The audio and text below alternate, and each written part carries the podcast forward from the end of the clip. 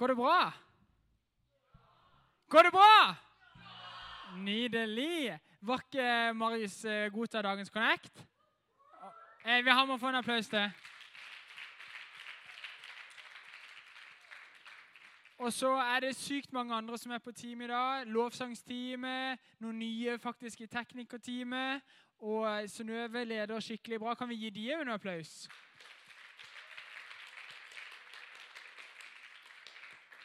Veldig, veldig bra. Fint å være her. Jeg heter André, jeg jobber som ungdomspastor her i kirka.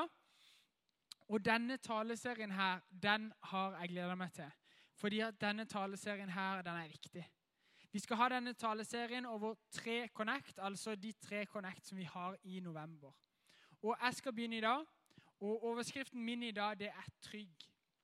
De to neste fredagene, altså om to uker og om fire uker, så skal det blir snakka om identitet og sammenligning neste gang.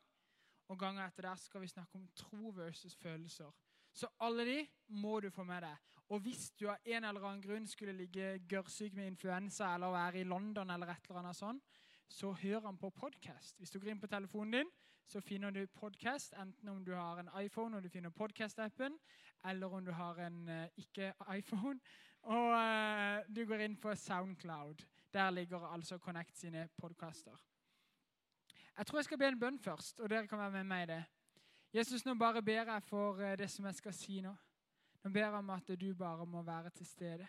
Nå ber jeg om at du må tale til hver enkelt av oss um, og røre ved våre hjerter.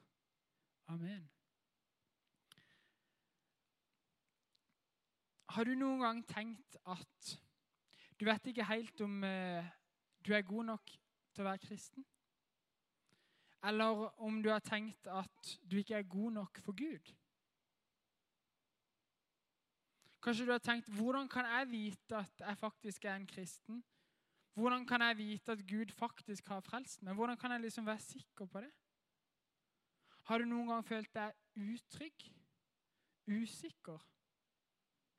Jeg håper at du etter denne talen kan få lov til å kjenne deg trygg på hva det vil si å være en kristen. At du kan kjenne deg trygg på at hvis du har sagt ja, Jesus, jeg har lyst til å tro på deg, og invitert Jesus inn i ditt liv, så er det godt nok. Og så kan du være trygg.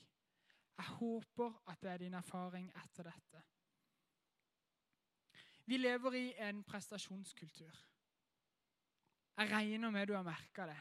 Jeg merker det iallfall.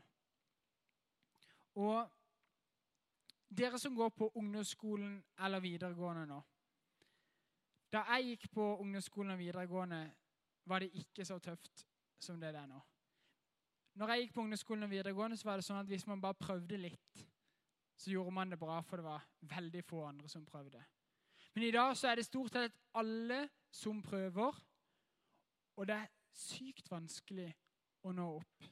Og jeg tror mange av dere har kjent på den følelsen at du, du når ikke opp. Du klarer ikke å få til å prestere sånn som du vil. Det er iallfall det som er kjennetegn for den generasjonen som vi lever i nå.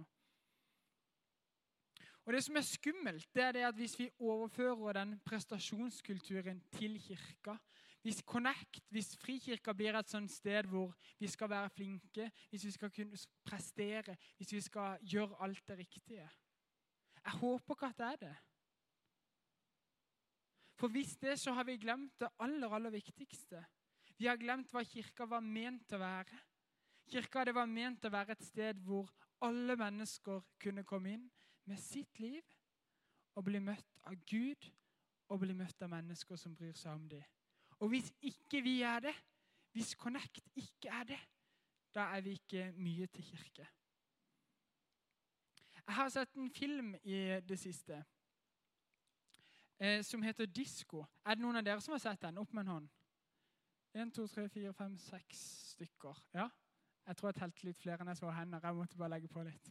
Um, men jeg har sett den filmen. Den filmen der eh, den handler om 19 år gamle Miriam, som dere ser bak meg på skjermen. Hun er lovsangsleder i den frikirkelige menigheten Friheten. Og stefaren hennes er pastor der. Og Utad så fremstilles de liksom som drømmefamilien, som alt er fint. Men når vi ser hvordan de har det hjemme, så ser vi at det er store problemer hjemme. Stefaren og mora krangler masse, og hun har det ikke så lett.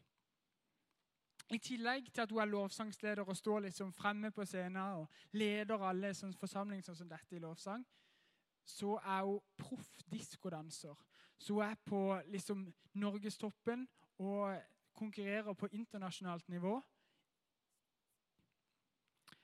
Og det blir for mye for henne, rett og slett. Eh, denne filmen viser ei jente som vil få til alt, og som bare skal få til alt. Og når dansekarrieren plutselig faller sammen, da, da rakner alt for henne. Og hun tenker at nå er det Gud som straffer meg. Nå har jeg ikke levd godt nok. Nå har jeg ikke levd opp til sånn som Gud tenker at jeg skulle. Og nå straffer han meg. Hun får store vansker, og hun har egentlig aldri muligheten til å prate med noen om dette. For det er egentlig ingen som vil ta på alvor den smerten hun har. De sier bare ja, ja, men bare fyll hjertet ditt med Jesus. Ja, ja, bare bruk mer tid i bønn. Bare gjør sånn og sånn. Men så er det ingen som egentlig vil snakke med om åssen hun egentlig har det. Og i miljøet som hun er en del av, så skal det bare være liksom fest og party hele tida. Eh, og man skal bare være glad, man skal være en glad kristen. Og det er ikke rom for å kjenne at livet er vanskelig av og til. Og Vi ser i filmen at hun her, Miriam, hun er en del av to miljøer. Det første miljøet det var jo denne her kule, hippe menigheten. Litt sånn som Connect, Frikirka. Eh, som, eh, som, hun er en del av. Men det andre det er det at hun etter hvert blir en del av en sånn sekt. En sånn lukka sekt hvor de gjør utrolig mange fæle ting. Eh, og der, eh, Det er et eget kapittel for seg selv, og det hun opplever der, det er bare virkelig ikke bra. Mens selv i den der kule menigheten som heter Friheten, som vi ser på bildet bak der, eh, så er det mye som er ikke bra. Og så kan vi noen ganger tenke at det kan ligne litt på sånn som vi har det på Connect. For vi har kul lovsang, eh, vi har gira folk som prøver å være inkluderende. Vi har utfordrende taler. De som står her oppe, sier noe som utfordrer livet deres. Um, og så har vi fokus på å søke Gud og på å erfare Gud. Så det kan på noen måter ligne litt. Men denne Miriam da, hun føler bare at hun må. Hun føler at hun må strekke til på alle områder. Hun må være en god kristen. Hun må ha livet på stell. Men så føler hun seg utrygg. Hun har et bilde av en Gud som straffer. En Gud som ikke er god mot henne, men som straffer henne hvis hun gjør noe som ikke er godt eller rett. Og så opplever hun at det er ikke rom for å ha det vanskelig. Og så har jeg tenkt litt på det. Jeg har faktisk tenkt veldig, veldig mye på dette. Hvis Miriam hadde vært et ekte menneske, hvis jeg skulle sagt noe til Miriam, hva ville jeg sagt til Miriam? Jeg tror jeg ville sagt noe sånn som dette til Miriam eller til andre kanskje her i salen som kan føle seg litt som hun. Jeg ville sagt 'hvil'. La være. Legg bort. Jeg ville sagt at Det er ingenting du kan gjøre for at Gud skal elske deg mer, og det er ingenting du kan gjøre for at Gud skal elske deg mindre. Disse tingene hadde jeg sagt. Og så hadde jeg sagt at hun kan hvile i at det Gud har gjort for henne, det at Jesus kom ned her på jorda, at det er nok. At han døde og tok den straffen for at vi ikke klarer alt det, alt det vi vil og det vi burde og det vi skulle. At det er nok. Så ville jeg sagt at hun kunne være trygg. Hun kunne være trygg på troa si. Hun kunne være trygg på Gud, at han er god, at han vil det beste for henne. Også når hun erfarer at livet er vanskelig. Jeg ville sagt dette. Det er ikke du som skal bære troa, men Gud som bærer det. Og Kanskje du er her og syns det er vanskelig å tro noen ganger. Kanskje du tenker at oh, jeg prøver og prøver og prøver, og prøver, men så, så klarer jeg ikke prestere på det området engang. Jeg klarer ikke tro engang. Hva er galt med meg? Men det er ikke sånn at det handler om å prøve og prøve og prøve. Men det er Gud som skal bære oss gjennom vanskelige tider. Gud, han kan gi oss tro. Og så vil jeg også vise disse versene som jeg nå skal si litt om, som står i Romerbrevet. I Romerbrevet 10 så står det For hvis du med din munn bekjenner at Jesus er Herre, og i ditt hjerte tror at Gud har oppreist han fra de døde, da skal du bli frelst. Med hjertet tror vi, så vi blir rettferdige. Med munnen bekjenner vi, så vi blir frelst. Disse versene her, de sier at hvis vi bekjenner, det betyr å si, enten om vi sier det inni oss eller sier det høyt, at eh, Jesus, du er Herre, jeg ønsker å tro på deg, jeg ønsker å invitere deg inn i mitt liv. Og hvis vi tror, så skal vi bli frelst. Så kan vi kalle oss for kristne. Så kan vi leve med Gud, og så trenger vi ikke å nå opp, fordi da har Gud nådd ned til oss. Og så tenker du ja, men tro, hva vil tro si? Vil tro si å være 100% skråsikker? Vil tro si å kunne alle svarene? Nei, tro det vil si å stole på. Ha full tillit til. Stole på Gud. Dere ser denne stolen her. Nå skal dere se han enda bedre. Nå setter han fram her. Det var en som var misjonær. Så skulle han forklare ordet å tro. Og på det språket som han var misjonær i det landet, så hadde de ikke noe ord for tro. Så da måtte han tenke hvordan kan jeg forklare tro til noen som ikke har ord for tro? Og da sa han det er som når jeg sitter på denne stolen her, så hviler jeg med hele tyngden min på han. Det er å tro. Jeg stoler på at denne stolen her holder. Det er ikke alltid at Jeg kunne jo ikke vært 100% sikker, men, men, likevel så hele kroppen min hviler på denne stolen og stoler på at den holder, den holder meg, og den holder mitt liv. Det er det å tro, sa han. Og det er egentlig et veldig bra bilde på det å tro. For det handler om å stole på Jesus. En som heter eh, Magnus Malm, som eh, jeg har lest noen bøker av. Han er utrolig smart. Eh, og Kanskje du skal vente noen år med å lese mange av de bøkene, men, men de er iallfall utrolig bra. Han sier en ting som er kjempe, kjempeviktig. Han sier at i samfunnet, overalt, så stiller folk dette spørsmålet. Er jeg god nok? Og så får de høre av uendelige sånn motivasjonsforedragsholdere fra utrolig mange hold 'Du er god nok'. Men så sier han at ja, det er fint å høre at man er god nok. Og Kirka skal jo på en måte si at man er god nok, men, men det å høre at jeg er god nok, det holder ikke så lenge. Ok, Kanskje jeg var god nok til å være god på skolen eller jeg var god nok på fotballag, men, men så er det så mange andre ting jeg ikke er god nok på. Så, så, det holder liksom bare litt. Men så sitter jeg likevel med denne følelsen at ja, det hjelper ikke så mye. Det som er mye viktigere, og som Kirka heller skal fortelle folk, det er det at du er elska. For det å være elska betyr så utrolig mye mer for identiteten vår enn det at du er god nok. Og det at vi er elska, det at du er elska, det betyr det at Gud elska så høyt at han ville gjøre noe med. Den situasjonen som vi var i. Når vi ikke var gode nok, når vi ikke klarte å strekke oss opp til Gud. Når vi bare prøvde og prøvde og prøvde, men ikke klarte det. Så gjorde Gud noe. Gud kom ned. Han greip inn i historien. Når Jesus starter sin gjerning på jorda, så er det en som heter Johannes. Og Johannes ser Jesus. Og så sier han, 'Se, Guds lam' som bærer bort verdens synd. På den tida var det sånn at man slakta lam og ofra dem, sånn at man skulle få tilgivelse fra det gale man gjorde. En sånn midlertidig løsning så man gjorde det hver gang på en måte.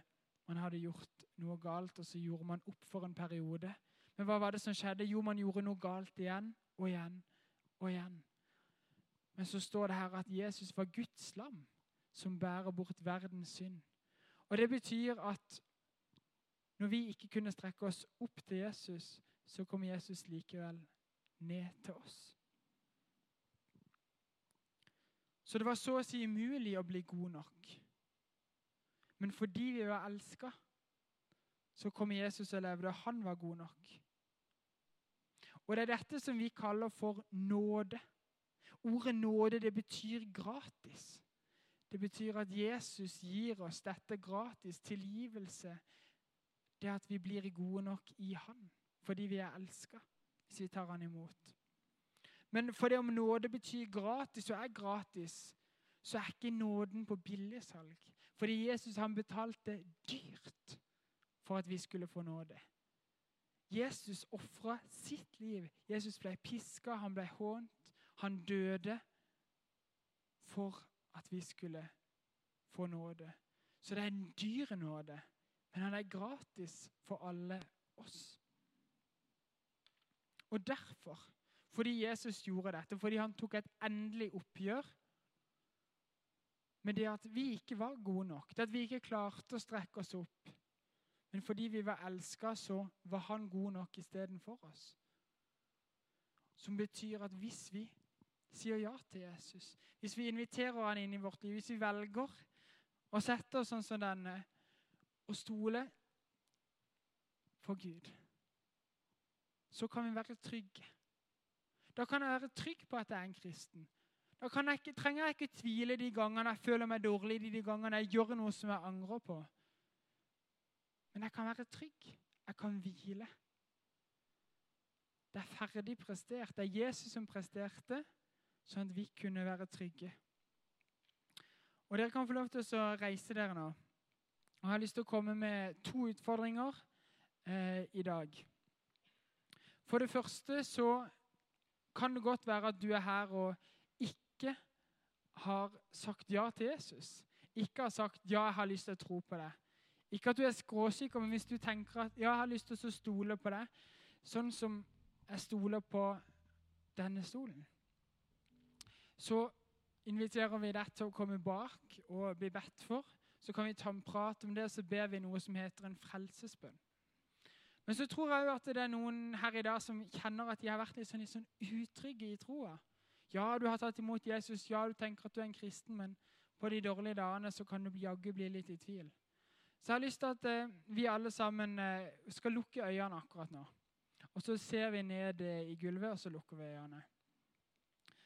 Og hvis du kjenner at det treffer deg litt, at noen ganger så er du usikker, utrygg i troa, og bare trenger at Gud rører ved deg, bare ønsker å si ja, jeg ønsker å stole på deg, Gud. Eh, så kan du bare rekke opp en hånd og så ha bare litt kjapt, og så skal jeg be for deg. Hvis du kjenner at noen ganger så er det vanskelig å stole på Gud.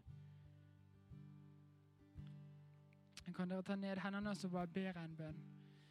Kjære Jesus, jeg ber for alle som syns det er vanskelig noen ganger å være trygge i troa, som blir usikre.